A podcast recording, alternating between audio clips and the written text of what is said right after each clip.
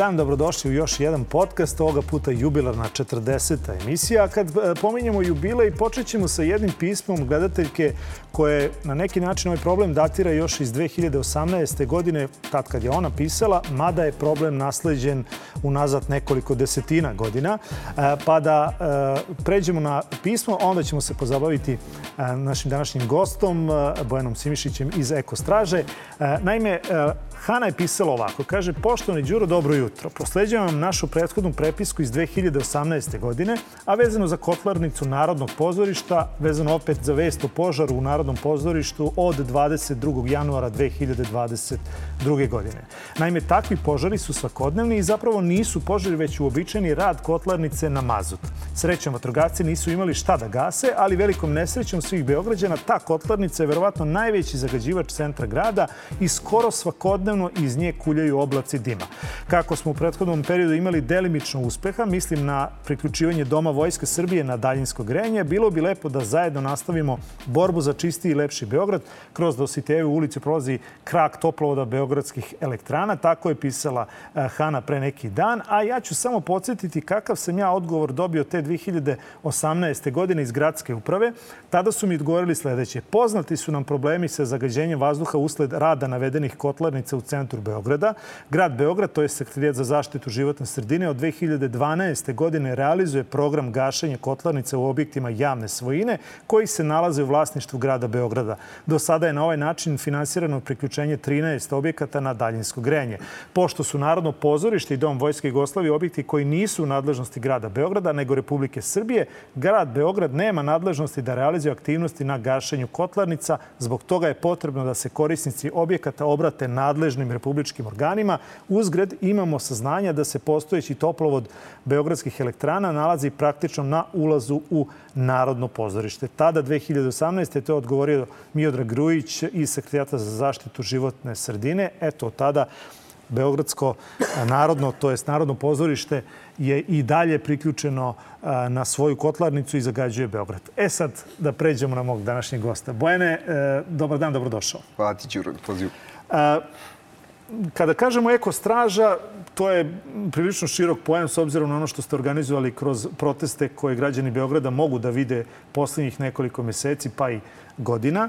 Ali nailazite li na ovakve probleme gde vi prosto dođete na vrata gradske uprave, predate određene zahteve i od tih zahteva tamo to ostane na nekoj fioci, ne reši se nikad ništa? Pa naravno, i mi predajemo zahteve na jednom višem nivou. Mi smo čak četiri puta na pisarnicu vlade predali zahteve za rešavanje zagađenja vazduha, a oni se nisu udostojili ni oni zakonski rok od 30 dana da ispoštuju neki proforme odgovora da nam pošalju. Ali u konkretno što tebi šalju sugrađene, mi to dobijamo svaki dan u našem inboxu. Ove, ja konkretno za Narodno pozorište sam takođe dobio slike i mi pre svega nismo bili sigurni da li je požar ili nije. Ove, međutim, mi smo već naučili koje to ustanove po Beogradu imaju te kotlarnice na mazut i to tako izgleda. I generalno stvarno građani zovu vatrogasne službe jer misle da je u pitanju požar, u pitanju crni gusti dim. Ovaj, čak delo onako da se zapalila neka plastika ili neka guma. E, Narodno pozorište nije jedino, znači bazen Tašmajdan isto ima identičan problem. Ove, ovaj, I to su problemi koji se svake godine ponavljaju i oni definitivno jesu jedan od uzročnika zagađenja u samom Beogradu.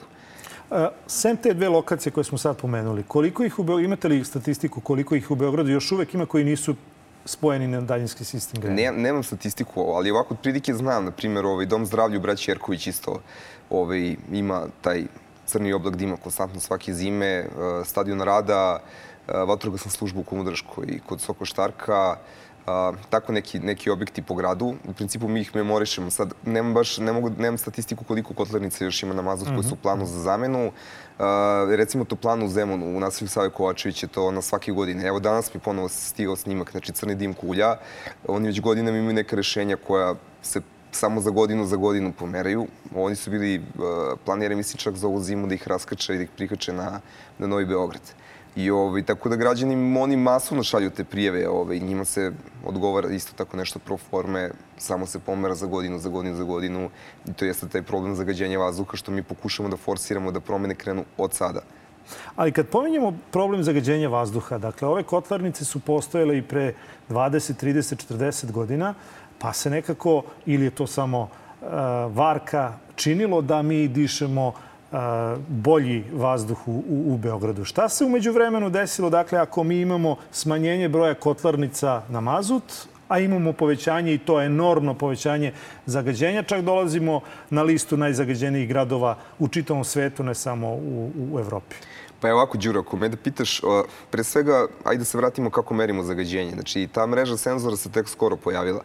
Ekostraža jeste konkretno ovaj, počela se baviti tim problemom pre dve, tri godine kada su se pojavili Air Visual i građanski merači kad su informacije postale javno dostupne. Znači, pre nekoliko godina to su bili možda ovaj, neki izveštaj Batuta, izveštaj SEP, mislim, ko, ko je znao šta je Agencija za zaštitu životne sredine do par godina.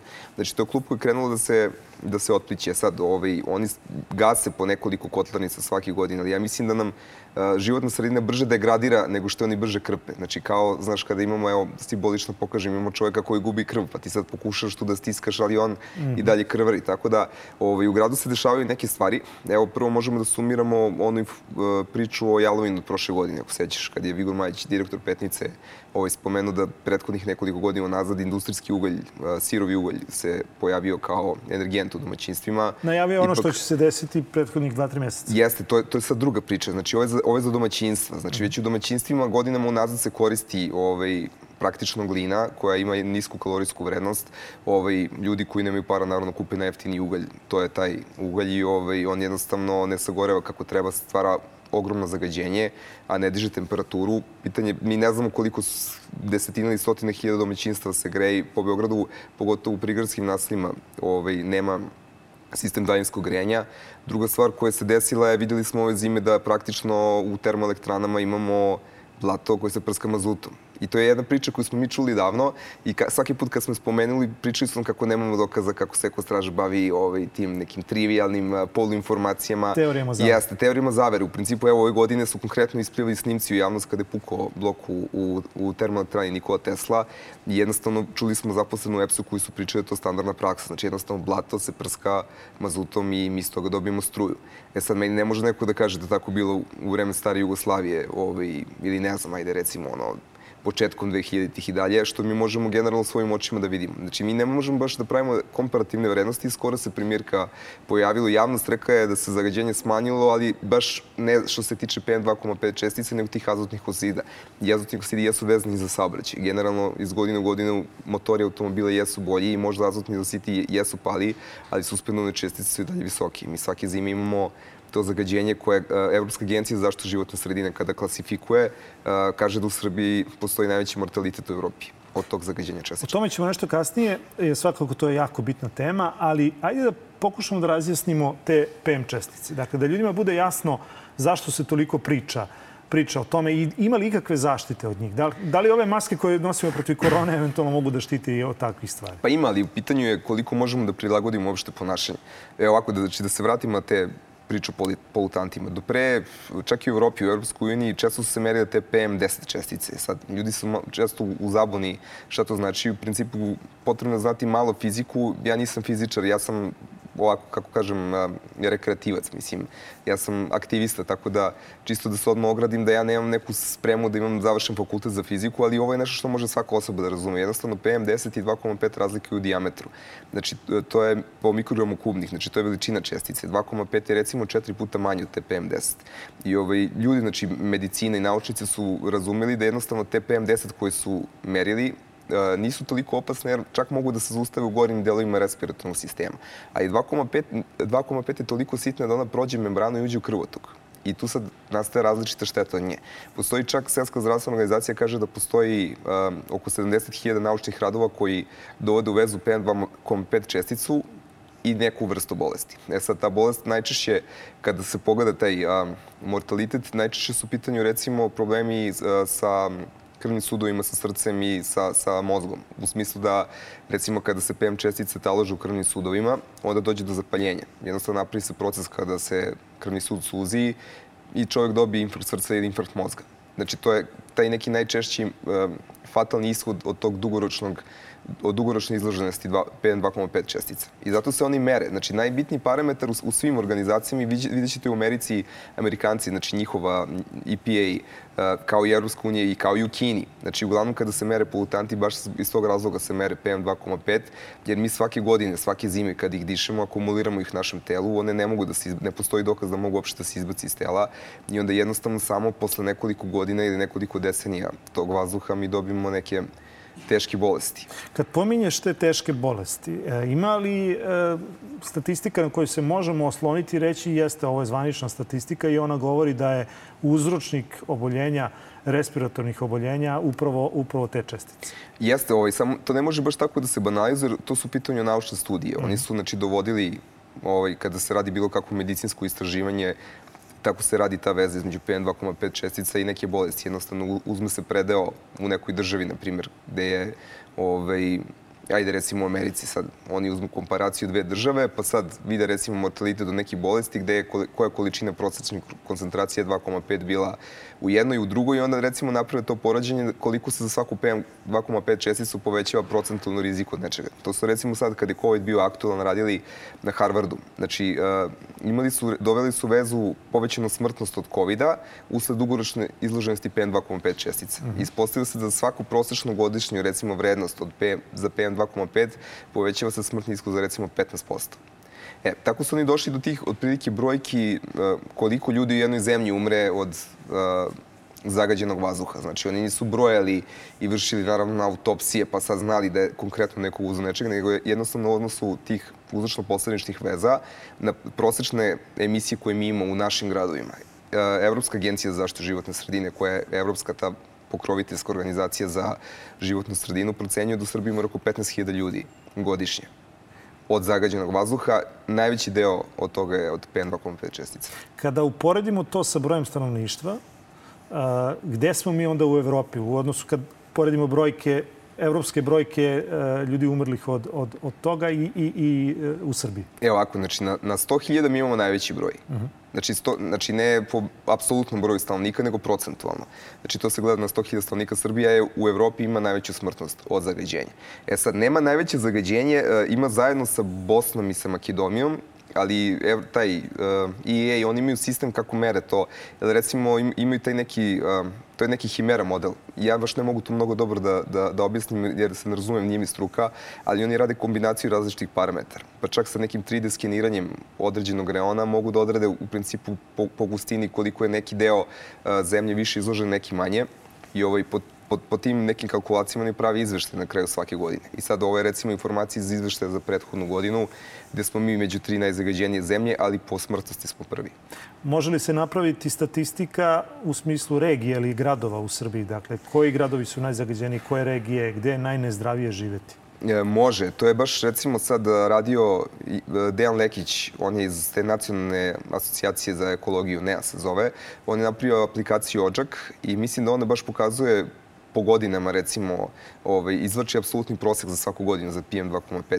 E sad, ne, nemam baš ovako u glavi koji su gradovi kako poređeni, ali mogu da ti kažem koji su gore od Beograda, Dobro. recimo. Naprimjer, Valjevo je gore od Beograda, Novi Pazar je strašno zagađen. E, mislim da je u Pirotu od ove godine, na primjer, počela da radi merna stanica i već pokazuje mnogo gore zagađenje.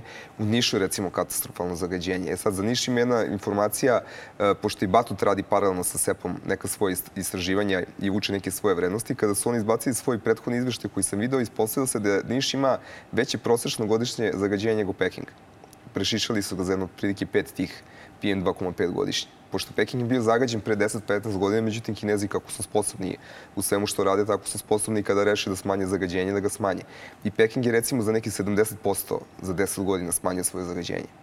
Uh, morat ćemo pričati o rešenjima, ali pre uh -huh. nego mhm. što pređemo na rešenja ovih problema, ukoliko ono što i postoje, uh, samo da razjasnimo jednu činjenicu. Uh, dosta se moglo ovih dana čitati o tome kako se i te brojke oko, oko merenja zagađenja, kako se i one na neki način nameštaju, i e, pravi se jedno, jedno lažno stanje da nije toliko zagađeno koliko zaista jeste. Dakle, šta kaže zakon i kako funkcioniše to merenje kod nas? Da li je ono u skladu sa evropskim standardima? Pazi, ovaj, recimo, uh, pošto ja nisam Um, ne pratim baš u stopu šta radi SEPA, ali, ali ovako okvirno pričajući sa ljudima oko toga, znam šta su bili raniji problemi. Uh, problem, a to su automatski merne stanice, ono što ima što mi imamo kao, kao, kao državna agencija. I tu, te, mislim, koliko sam pričao s ljudima, tu je nemoguće da oni mogu da manipulišu, jer su podaci u real time. Znači, to je ono kada mi vidimo, ukucamo tamo sajt CEPE, pa oni imaju onu tabelu, kada gledamo zagađanje, su u principu onako kako vidimo, tako jeste. Međutim, dešava se da stanice ne rade ili da sistem pada. Tako da, ovaj, za, pogotovo zimi, često vidimo ono non-available. I onda se sad pitamo, mm -hmm. recimo, ako za neke sate fale, ali tako, neke vrednosti, kako onda toj prosečnoj godišnjoj koncentracijnoj računi, da li to računaju kao nulu ili neke prosečne vrednosti, razumeš, jednostavno u toj slagalici fale neki delići koji vjerojatno ne daju neku ovaj, realnu sliku kakva sliku. jeste. I, I znam, ono što znam sigurno jeste da pre par godina je toliko malo radila stanica da nas je jedne godine Evropska agencija izbacila iz tog izveštaja. Znači jednostavno, ono, gde je Srbija, to je bila crna slika, nije radilo dovoljno stanica za monitoring da bi mogli da uzmu ovaj, referentne vrednosti i da stave u, u, u u statistiku. E sada, pređemo na rešenje. Dakle, da li mi možemo i u kom obliku da, da postanemo neki Peking koji je bio ono što je bio, a, a koji danas više nije tako zagađen grad? Naravno da možemo. Vidi, uh, poenta, evo šta mi recimo kad kažem mi, mislim da Ekostraža ima svoje partnere u nevladinim organizacijama koje se isto bave zagađenjem vazduha i kroz te casual priče smo, imamo, imamo taj neki narativ da jednostavno čim zagađenje prestane, neće ga više biti. I tako jeste. Ti u nekoj teoriji PM 2,5 možeš da svedeš na nulu, što je jako teško, ali kad kažemo teoriji, to jeste znači da kad, ako bismo nešto isključili što stvara te čestice, jednostavno zagađenje bi bilo manje.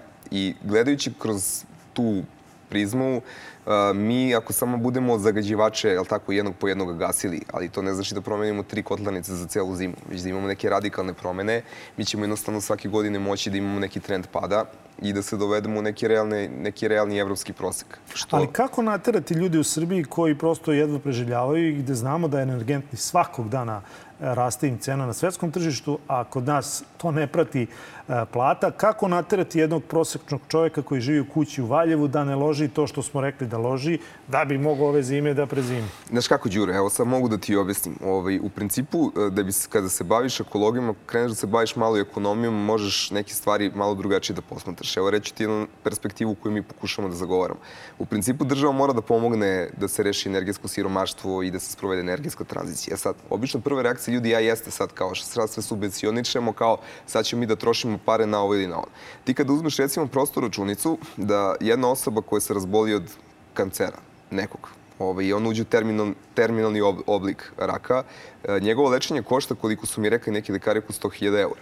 Znači, jedna osoba koja se razbolela od raka i koja će svakako umreti, kada se računaju recimo troškovi lekara, ležanje u bolnici, magnete rezonance, citostatika i svega ostalog, dođe se do, do računica, to košta oko 100.000 eura. Nama se ne isplati da lečimo ljude, mislim se isplati da jednostavno država pomogne sa subvencijama, da ljudi budu zdravi kao nacija, jednostavno ćemo, manje ćemo novca trošiti. E sad, jedna od organizacija koja se baš bavi time, ovaj, zove se HIL, oni se recimo bave tim nekim um, računicama, koliko se, ne znam, izgubi ljudskih života, koliko se izgubi novč, novčano, recimo, onih izgubljenih radnih, recimo, sati godišnje i koliko novca se izgubi zato što, na primjer, samo nismo prešli u termoelektranama sa ugljen na neki drugi energenti. Tu su, samo da završimo, uh -huh. to su, milijarde su pitanje. Znači, jedna, dve, do, do, do nekoliko milijardi godišnje mi gubimo samo kroz troškove na ljudsko zdravlje. Zamisli kada bi država stvarno rešila da smanji zagađenje i korak po korak sub, nekim subvencijama samo pokrenula taj sistem, upravo kada bi manje bili bolesni. Hteo, da, upravo sam to hteo. Ovde nije reč o pojedincu. Dakle, ovde je jasno čovjeku koji dođe u takvu poziciju koju ti navodiš e, i tu cifru 100.000 evra da košta državu, ali ovde, da, dakle, ovde, ukoliko ja tebe razumem, je država problem zato što te subvencije koje mi imamo za zamenu stolarije ne rešavaju problem E, kompletnog Valjeva. Dakle, vi ovde ne možete da očekujete da će država subvencijama naterati ljude u Valjevu da ne lože to što lože zato što su zamenili, zamenili prozore sa nekom malu stolarijom ili, ili to mi slično. Jeste, dakle, to je kompleksan problem. Ali moramo i malo širu sliku da pogledamo. Evo, na primjer, znači, e, čovjek koji treba da krene od nečeg šta može da uradi, razumeš? Na primjer, te kotlarnice na mazut. Oni su možda mogli da zamene ili da ih stave na, na, ovaj, na gradsku mrežu, je tako? Ili su mogli da možda daju neku alternativu. Ti možda imaš i kotlarnicu na gas sobstveno. Mislim, ima mnogo varijanti kako ti možeš da zameniš svoje grejanje. Znači, kada bi im država finansijski omogućila, na primjer, jednom Tašmajdanu ili Narodnom pozorištu, samo da pređe na drugi energent, ja verujem da bi ljudi u, u tom okruženju bili zdravi. Znači, nekad nije samo da, do tebe šta ti u svojoj kući radiš, ali tako? Na primjer, recimo da živimo u naselju koji ima centralno grejanje, ali ako ti imaš toplanu pored kuće, jel tako, koja radi na mazut, Došli smo na isto na, na mnogo gore, razumeš? Znači, jednostavno, dok ne krene da se ulaže u životnu sredinu i u ta reš, rešenja zagađenja, mi se nećemo pomeriti iz mrtve tačke. Znači, to su sve troškovi koji će se posle jednog određenog vremena isplatiti definitivno i tu nema nikakve greške. Znači, mnogo zbini ljudi od nas se bave tim temama. Znači, ne bojanje iz ekostraže, nego postoje ljudi kojima je posao da se bave medicinskim istraživanjima vezano za vezu PM čestica i nekog uzročnika zagađenja, ljudi koji računaju troškovi ljudskog zdravlja ako se neka rešenja ne primenjuju, nego jednostavno imamo toliko toliko bolelih od raznih vrsta bolesti. Šta je sa deponijama? Dakle, e, znamo svi za priču oko deponije u Vinči i kako to sve ide. Ide prilično traljavo. Dokle se sa time stiglo? Dakle, koliko one utiču na... Mi imamo mini deponije, skoro, ja mislim svaka opština ima mini deponiju. I ona vrlo često gori. Imaš tu, to je mnogo veća opasnost. Evo da se vratimo na priču o deponima. Zato što ekostraža, na, nama su, mikrofokus nam je to čestično zagađenje, ali bavimo se i sistemom upravljanja otpada, pre svega deponijama i deponijama koje gore. Zato što deponije koje gori predstavlja još mnogo veću potencijalnu opasnost od tih kotlarnica na mazu, zato što uh, na deponijima gore mnogi toksični materijali. Znači tu se nalaze recimo plastična ambalaža, nalazi se stiropor, uh, nalazi se stolarija koja je lakirana sa nekim materijalom koji kad se zapali bude toksičan. I u principu u tom jednom kompleksu tih raznih materijali koji gore, taj, taj dim, crni dim koji se ovaj, sa deponije širi ka naselju, on predstavlja bukvalno jedan koktel kancerogenih, mutagenih, svakakvih vrsta materija. I to je velika opasnost zato što recimo ti dioksini, furani, ovaj, to su još složenije hemijske materije i ovaj, oni su ekstremno kancerogeni. Znači, u vrlo malim količinama je potrebno da čovjek to može da donese u organizam i da dobije neku vrstu bolesti. E sad, kad se recimo zapali deponija u Vinči, taj dim ide na grad. I ovaj, sada da ne širim mnogo priču, ajde samo, samo da se držim tih polutanata. Znači, kada, kada imamo taj toksičan dim, znači ljudi prvo, ali tako, udahnu ga, oko Vinči imamo njive gde su slanci, ali tako, pa to padne na poljoprivredno tlo, pa na kraju završi na kalanić pijaci pa ga posle jedemo ili neka životinja tako pojede tu travu pa posle jedemo meso ili padne neke podzemne vode pa na kraju kroz tako ponovo kroz vodu, pijeću vodu, mi unosimo te materije. Naprimjer, ne postoji uh, uopšte kontrola dioksina i furana. Mi celo leto, kada je gorila Vinčan, ne znamo i dalje šta smo udisali, niti ćemo znati. A hoće li se ta priča ikad završiti? Šta se sad pa, dešava? Pazi, ja mislim da, vidi, znači, ja sad pričam samo o de facto stanju. Vinča nije jedina deponija. Ima na stotine deponije gori po Srbiji, mnoge se ne gase, mnogi kad se ugase ponovo se zapale, ali taj deponijski gas suštinski ne možeš da ugasiš i to je ta priča sa Vinčom kad kažu da gori godinama, on i gori zato što ono u jezgru uvek ima temperaturu od nekih 300-400 stepeni. Jer kada se otpad raspada, znaš, napravi se deponijski gas, metan gas, jednostavno do, dođe do te ignicije u nekom jezgru deponije i ono tinja. I sad kad se napravi neko pomeranje, kako dođe kiseonik, tada bukne požar i onda ga gasimo nedeljama. I ovaj, to gašenje isto vrlo problematično, zato što ne možeš da gasiš s vodom. Mislim da ne gasiš s nekom kombinacijom peska i još nečega. Ali A... konkretno si me pitaš šta će biti sa njom, ne znamo. Zato što ceo taj uh, Suez i Toču javno partnerstvo koje su napravili, sad je valjda promenjen vlasnik. Mislim, to je sve u nekom, nekoj polusenciji, te javne rasprave su polutransparentne, ljudi koji donesu svoje ovaj, argumente kao prigovor na javnim raspravama, nikad se ne uvaže i tako dalje. I to je taj sistem koji mi imamo ovde uspostavljen već decenijama. A šta kažete ljudima koji imaju ovakav, recimo, problem meni je stiglo jedno pitanje. E, Vidikovac je, Petlovo brdo Vidikovac, preko puta, dakle to je onaj potez ka, e, ka metrou. E, tu imamo deponije koje svakodnevno gore. Imamo jednu deponiju koja svakodnevno gori kod Ade, dakle na, na Čukaričkoj padini. Tu se spaljuju sekundarne sirovine koje završavaju tu gde završavaju iz kontejnera svih ulica grada. Dakle, znamo ko to sakuplja i na koji način sakuplja ima li ikakvog sistema da se to jednom za svak da napravi red i da prosto deponija prosto ne, da ne postoji i da ne može da, da gori i da ne može svakodnevno da zagađuje sve one koji žive u blizini? Pazi, rešenje definitivno postoje. E sad, ovaj, problem sekundarnog je još kompleksniji, zato što tu imaš neke nacionalne manjine koji su osetljiva tema i ovaj, neće niko ni da se, baš svako i da se bavi sa tim. Mi često imamo problem zato što to odmah trigeruje određene organizacije koje posle koriste to kao argument protiv tebe i onda na kraju još ispadneš grbav ako se baviš s tim. A zar ne bi mo mogao da postoji sistem da ti ljudi koji onako sakupljaju te sekundarne sirovine, da ih uvedeš u sistem i da im ti to plaćaš, a ne da oni e, na ovaj način prave reciklažu ili šta god ovaj, spaljuju. Dakle, da li postoji sistem gde ćeš te ljude da uposliš, da im pa daš posao, da oni nastave to da rade i da im se to isplati? Vidi, što se mene lično tiče, ja mislim da može i tako bi trebalo da bude. Jer ja mislim da je jeftinije da platimo četiri Roma za 100.000 dinara platu u gradskoj čistoći samo da ne pale to, nego da se celo naselje leči, ne da Bože, neko dete od leukemije. Razumeš? Znači, sve što mi rešimo na kakav god način, mislim da je bolje nego da ostavimo to samo da tako pliva u vazduhu i da ga ne rešamo već 15 godina. Recimo, 15 godina stanari Čukarički padin imaju, ovaj, imaju taj problem. Tako da svako rešenje je bolje. Ne mora ništa da bude radikalno. Znači, u principu vidi, zakon bi trebao da važi za sve i, i generalno to jeste kršenje zakona. Ali ako je državna vojna da im nabavi nešto opreme da oni mogu da skinu te kablove ili mi recimo ponudi dobru stvar. Ok, evo mi smo tebi ponudili rešenje, možeš da imaš recimo ovaj, mašinu koja će skinuti tu izolaciju, ali ako čovječe i dalje to nastaviš da radiš, morat ćemo da te kaznimo na neki način. Znači dati im rešenje, ali opet reći im da ako ne prihvatiš rešenje, ali tako, ono, doći će do neke sankcije. Na primer, ovaj, jednostavno, kažem ti, u kraju, koliko sam ja razumio na Čukaričkoj padini, nekoliko, pazi, tamo ima, ima dosta Roma, ne, ne bave se svi tom praksom, nego to su jedna, jedna, dve ili tri porodice čovječ ako jednostavno njemu, ako hoće zaposlite ga, neka bude da tako, u, u gradskoj čistoći, u nekom sektoru za skupljanje sirovine, čovjek ima platu, nađite mu čak i neki smešan. Svima, svima će nama biti jeftinije na kraju kad se podvuče račun ovaj, koliko Da li je postojići zakon o zaštiti životne sredine, da li je on dobar uh, ili ne valja, ili je dobar, ali se ne primenjuje? Dobar, ali se ne primenjuje. Nije Zašto? dobar, nije... Ko je tu kriv? Pa vidi, država je kriva, kako da ti kažem. Mislim, uh, pazi ovako, evo, da se vratimo na Ministarstvo zaštite životne sredine. Oni su na dan protesta su objavili, tako ti do medijima, tipa ide 15 sekundi naš protest, pa onda 5 minuta dođe ministarka koja priča o nečemu što su oni napravili. Sad su napravili aplikaciju za kao prikupljanje prijeva od građana vezano za životnu sredinu. Znači, da li to je bilo... Koja ne funkcioniše? Pa ne, pa vidi, sad je lansirana, mi smo testirali, ja sam napravio jednu prijevu, baš je da vidim da li će uspeti da reši ili neće uspeti da reši. U pitanju je industrijski zagađivač. Ali konkretno, Agencija za zaštitu životne sredine SEPA izbacila aplikaciju za deponije. I ljudi su samo slikali to telefonom, to se akumuliralo, razumeš, u nekoj bazi podataka i oni nijednu deponiju nisu rešili.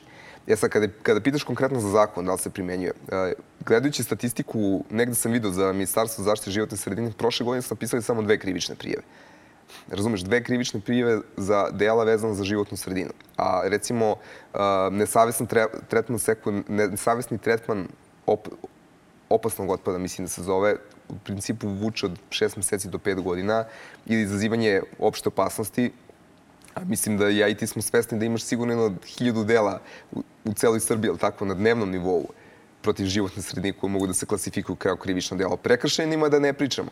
Ne samo to, pazi, ja sam imao snimke koje smo mi pravili gde se vidi osoba, razumeš, na primjer u Vladičinom Hanu koja baca azbestne ploče dole. I ti to pošliš i tipa ne možemo da identifikujemo lice, ne može policija da izađe na mesto ili snimak nije validan, znaš, mora da dođe neko na licu mesta. Par puta nam se čak dešavalo da su nam ljudi rekli da ćemo mi da nagrabusimo jer kao tipa objavljujemo snimke eko straži kao da ne, nedozvoljeno snimanje uh mhm, -huh. Mhm, lica. Uh -huh. E sad, ovaj, mi smo pitali tipa ako je krivično delo koje prekršaj, kako ne možemo da snimamo. I to je sve u nekoj sivoj zoni. Međutim, sve što je u sivoj zoni nikad neće biti, jel tako, na našu stranu uvek će biti kontra tako da još građani na kraju ispodnu krivi zbog nečega. Poslednji protest koji ste organizovali, skupilo se nešto oko 2000 ljudi, je li tako? Tako, između 2 i 3 A, najviše. Pre toga na onom velikom protestu bilo je nešto, je li tako, 20-30 hiljada? Između 20 30. Slovensko delo je čak napisalo 55, ali mislim da su se, ali nema veze, bilo je mnogo. Da, znači, da ne govorimo, da ne licitiramo ovaj, zašto je toliko, toliko ovaj, velika razlika, a i za kraj, jesu li ljudi uopšte svesni problema u kom se mi svi nalazimo. Dakle, ili svi idu kad već se desi pa onda da traže šta je uzrok e, oboljenja ili, ili, ili nekog problema koji imaju, koji imaju u svom kraju. Ja mislim da nisu svesni i mislim da dosta ljudi sluđeno. Ozbiljno ti kažem. Ja kad god je neki protest, ja krenem da čitam komentare što ljudi pišu. Prvo pomislim da su botovi, pa posle skontam da tu nešto stvarno sa psihom nije u redu. Znači, mislim da ljudi generalno nisu svesni ne samo problema u životnoj sredini, niti mogu da saberu neke, neke proste činjenice da mogu da dođu do nekog zaključka, niti ih to interesuje. Znači, uvijek je to neka zamena teza, uvijek se hvataju tih nekih stvari, na primjer to kao zagađenje od uvek, ne znam šta vama sad smrdi vazduh, meni nikad nije smrdeo, ili idite u selo, bežite. Ti ne možeš ljudima da objasniš, na primjer, da je zagađenje kada pogledaš mapu zimsku. Znači, ti, ovaj, mi smo postavljali građanski senzor na primjer u Prokuplji. Prokuplji ima 10 puta veće zagađenje nego Beograd. Ne baš 10, ali ekstremnije su vrednosti toliko puta u jednom gradu koji kad pogledaš ima 10.000 stanovnika. A da li je možda problem u tome što narod ni ne zna šta su njegova prava, ni šta su njegove obaveze, da li, da li, da li je edukovan narod uopšte e, kako da tretira određeni otpad i na kraju krajeva i da je edukovan, pa ja ne znam da li postoje, koliko postoji kontejnera u gradu gde ćeš ti moći da ostaviš da, da praviš separaciju otpada? Pazi, znači, to, taj, toliko je komplikovan taj problem upravljanjem otpadom. Naprimer, evo mogu da ti kažem moja iskustva ovaj, sa stare planine. Naprimer, tamo postoje razne sela. Neka imaju kontejner, neka nemaju kontejnera. Neka imaju kontejner, imaju čak one kaveze za, za plastičnu embalažu. Znači, tamo vidiš da jedno selo, recimo, je uredno, sledeće selo, čak i ako ima sve kontejnere, oni bacaju niz liticu jednostavno razumeš, to je praksa osobe koja živi tu da ne ode do kontejnera, nego da svaki put samo istrese svoje smeće niz brdo. Razumeš? Znači, neka sela moraju čak i da voze po 10 km svoje đubre. Razumeš? Ali neka imaju tu. Jednostavno mi nemo, niti imamo sistem, niti imamo naviku. Znaš, ovaj, to je to, toliko sad to klub koje je zamašeno da mi kad bi ga otpetljavali, pitanje koliko bi nam vremena trebalo. A možda treba da krenemo od početka, to je od škola, to je edukacije dece. Da li su deca svesna? Nekako se čini da, da mlad sve dolazi i roditelji sa decom da dolaze na te vaše proteste i da se polako budi svest o tome da stavimo po strani politiku koja definitivno u poslednje vreme i tekako se umešala u ovu priču oko ekologije, jer koliko ima zagađenja, toliko od sada ima i uh, poslednjih nekoliko godina ima i ekoloških e, pokreta. Pa možda dva pitanja. Ajde, ne, znači, tako... ta edukacija dece da to stavimo na jednu stranu, a na drugu stranu da stavimo ravan između uh, broja ekoloških organizacija i uh, politikanstva koje su ušle u čitavu priču oko ekologije.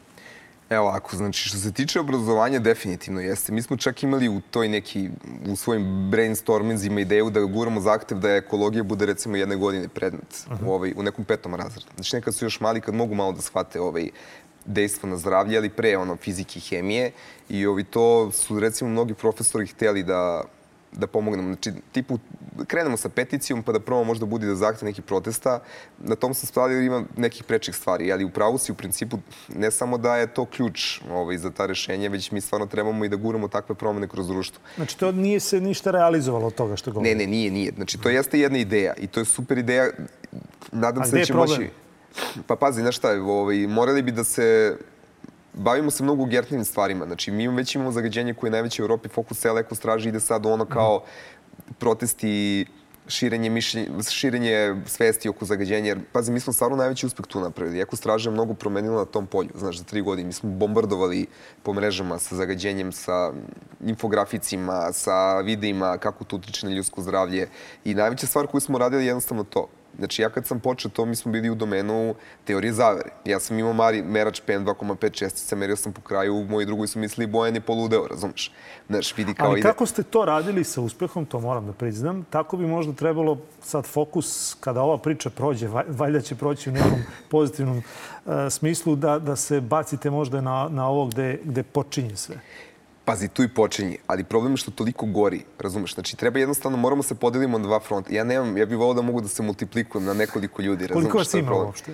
Pa pazi, ovaj, oko mene je jedna ekipa 30 aktivista, znaš, ali s, koji isto takođe rade full time svoje poslove i za neki konkretan zadatak kojim se da mogu da rade, znaš. Ne, ne može niko da gine može da gine dva, tri dana, razumeš, ali ovo je... To kad kažeš, to onda mene navodi na zaključak da, da e, ekologija jeste svest, ali ekologija i posao koji očigledno mora da bude plaćen. A onda ulazimo u taj domen čiji ste vi plaćenici, ko vas plaća, vi hoćete da rušite vlast, to vam je jedini, jedini cilj, ne brinite baš vas briga za, za ekologiju.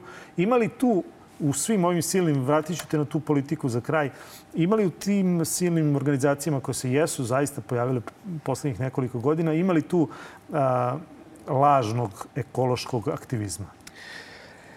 Pa pazi ovako, ovaj, ja sam percipirao sve o čemu ti govoriš i kada smo kada sam ja u stvari počeo priču eko straži, ja recimo nisam, ja sam u APR-u, Agenciji za privredne registre, samo je registrao ime, da neko ne može da ugasi stravu i da uzme ime eko straža, ali ja nisam napravio nevladinu organizaciju baš zbog toga, jer ti kada kreneš da ovaj, konkurišeš za sredstva, fondove, grantove i kad već napraviš od toga mini preduzeće... Onda nisi nezavisan onda ljudi ne, nemaju toliko poverenja od tebe. Ljudi hoće da vidi Isusa Hrista, razumeš? Hoće da neko pogine, da se nije okaljio, da nije za ništa i ti ako hoćeš da praviš veliku masu, ako stvarno hoćeš 20-30 hiljada ljudi da ti izađe na ulicu, ti na neki način moraš da se žrtvuješ i to meni lično jeste teško. Ne, ne mora svako da se bavi tim. Eko straža nema nikakve financije, mi žickamo pare 1000-2000 dinara da imamo za kamionče, ja radim za džabe, moj posao trpi, ozbiljno, sad najozbiljnije. Znači ja jednostavno nemam ličnih troškova kako straži koliko trošim vreme koje sam mogao da posvetim ka drugim stvarima.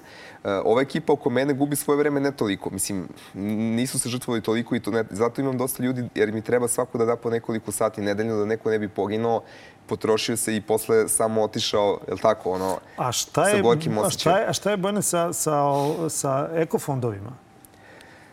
Pa pazi, ja ne mogu mnogo da gledam kako drugi ljudi šta rade i od koga uzima i kako funkcioniš. U principu, Eko Straža napravila mnogo više nego druge organizacije koje uzimaju fondove ovih godina, jednostavno tako žive. Znaš, nekom je to postao ono... Biznis. Pa nije biznis, nego sistem. Vidi, oni rade. Mislim, ljudi svako tu u tom NVO sektoru nešto radi, razumeš? Ali nije svako dovoljno efikasan, što, što, što ne znači ni loše, jer ima ljudi koji mnogo dobro rade. Znaš, neki nevladne organizacije su stvarno ogroman posao uradile i, i ne zaslužuju taj tretman kao taj pogled naziv Sorošoidi, razumeš? Ovi, kao da oni uzimaju fondove i da oni imaju neke instrukcije od nekih, ne znam, stranih sila, da nešto sprovode nije. Mislim, ljudi stvarno rade svoj dobar posao. Tako da tu ima raznih, znaš, neko se ogrešio, neko koristio to, mislim, trošio pare za, za neke gluposti, neko je stvarno radio ozbiljno, ali recimo iz naše perspektive, ako hoćeš da budeš pokret koji će stvarno masovnu promenu napravi, a za zagađenje vazduha znaš i sam, nama treba mnogo ljudi. Jer vidio si, rešenje jeste ulica, stvarno, kada, kada pogledaš. Oni jednostavno slušaju samo masu ljudi koji se pojavi da nešto traži. Kad znaš. ide sledeća ulica, to jeste šta planirate u skorijoj budućnosti? Pa ne znam, vidi, malo se sad energija ovaj, potrošila. Znaš, bilo je mnogo barikada, mnogo blokada, bilo je protesta po nekoliko puta nedeljno. Nama se isto osula naša ekipa koja dolazi. Bliže se izbori, mnogo više se priča o kandidatima, pričalo se o referendumu, tako da nisam siguran kad će biti dobar moment za sledeći. Znači, posle aprila svakako. Pa dobro, da, ovaj, Mo, možda nešto pre, ali naj, najvjerojatnije posla i vidi, mi nećemo dići ruke, razumeš? Znači, mi ćemo biti ona osa koja će da im zuje oko glave dok ne vidimo rešenje. Ovaj kanal komunikacije, ovaj podcast i emisija otvoreni svakodnevno, tako da eto, možemo da, da napravimo tu, tu vrstu saradnje. To je ono što ti ja za džaba nudim. Hvala ti puno. za, za džaba jedino mogu da prikutim. tako je, tako je. Moj današnji gost bio Bojan Simišić iz Eko Straže, a sledećeg utorka neke druge teme, može naravno i ove, vi šaljite pitanja na uh, Viber broj telefona 069 893 0023 ili pišite na e-mail adresu pitajteđuro.nova.rs ili vaše pitanje pošaljite na uh, Instagram, Twitter ili Facebook mrežu. Toliko za ovaj podcast, vidimo se sledećeg utorka.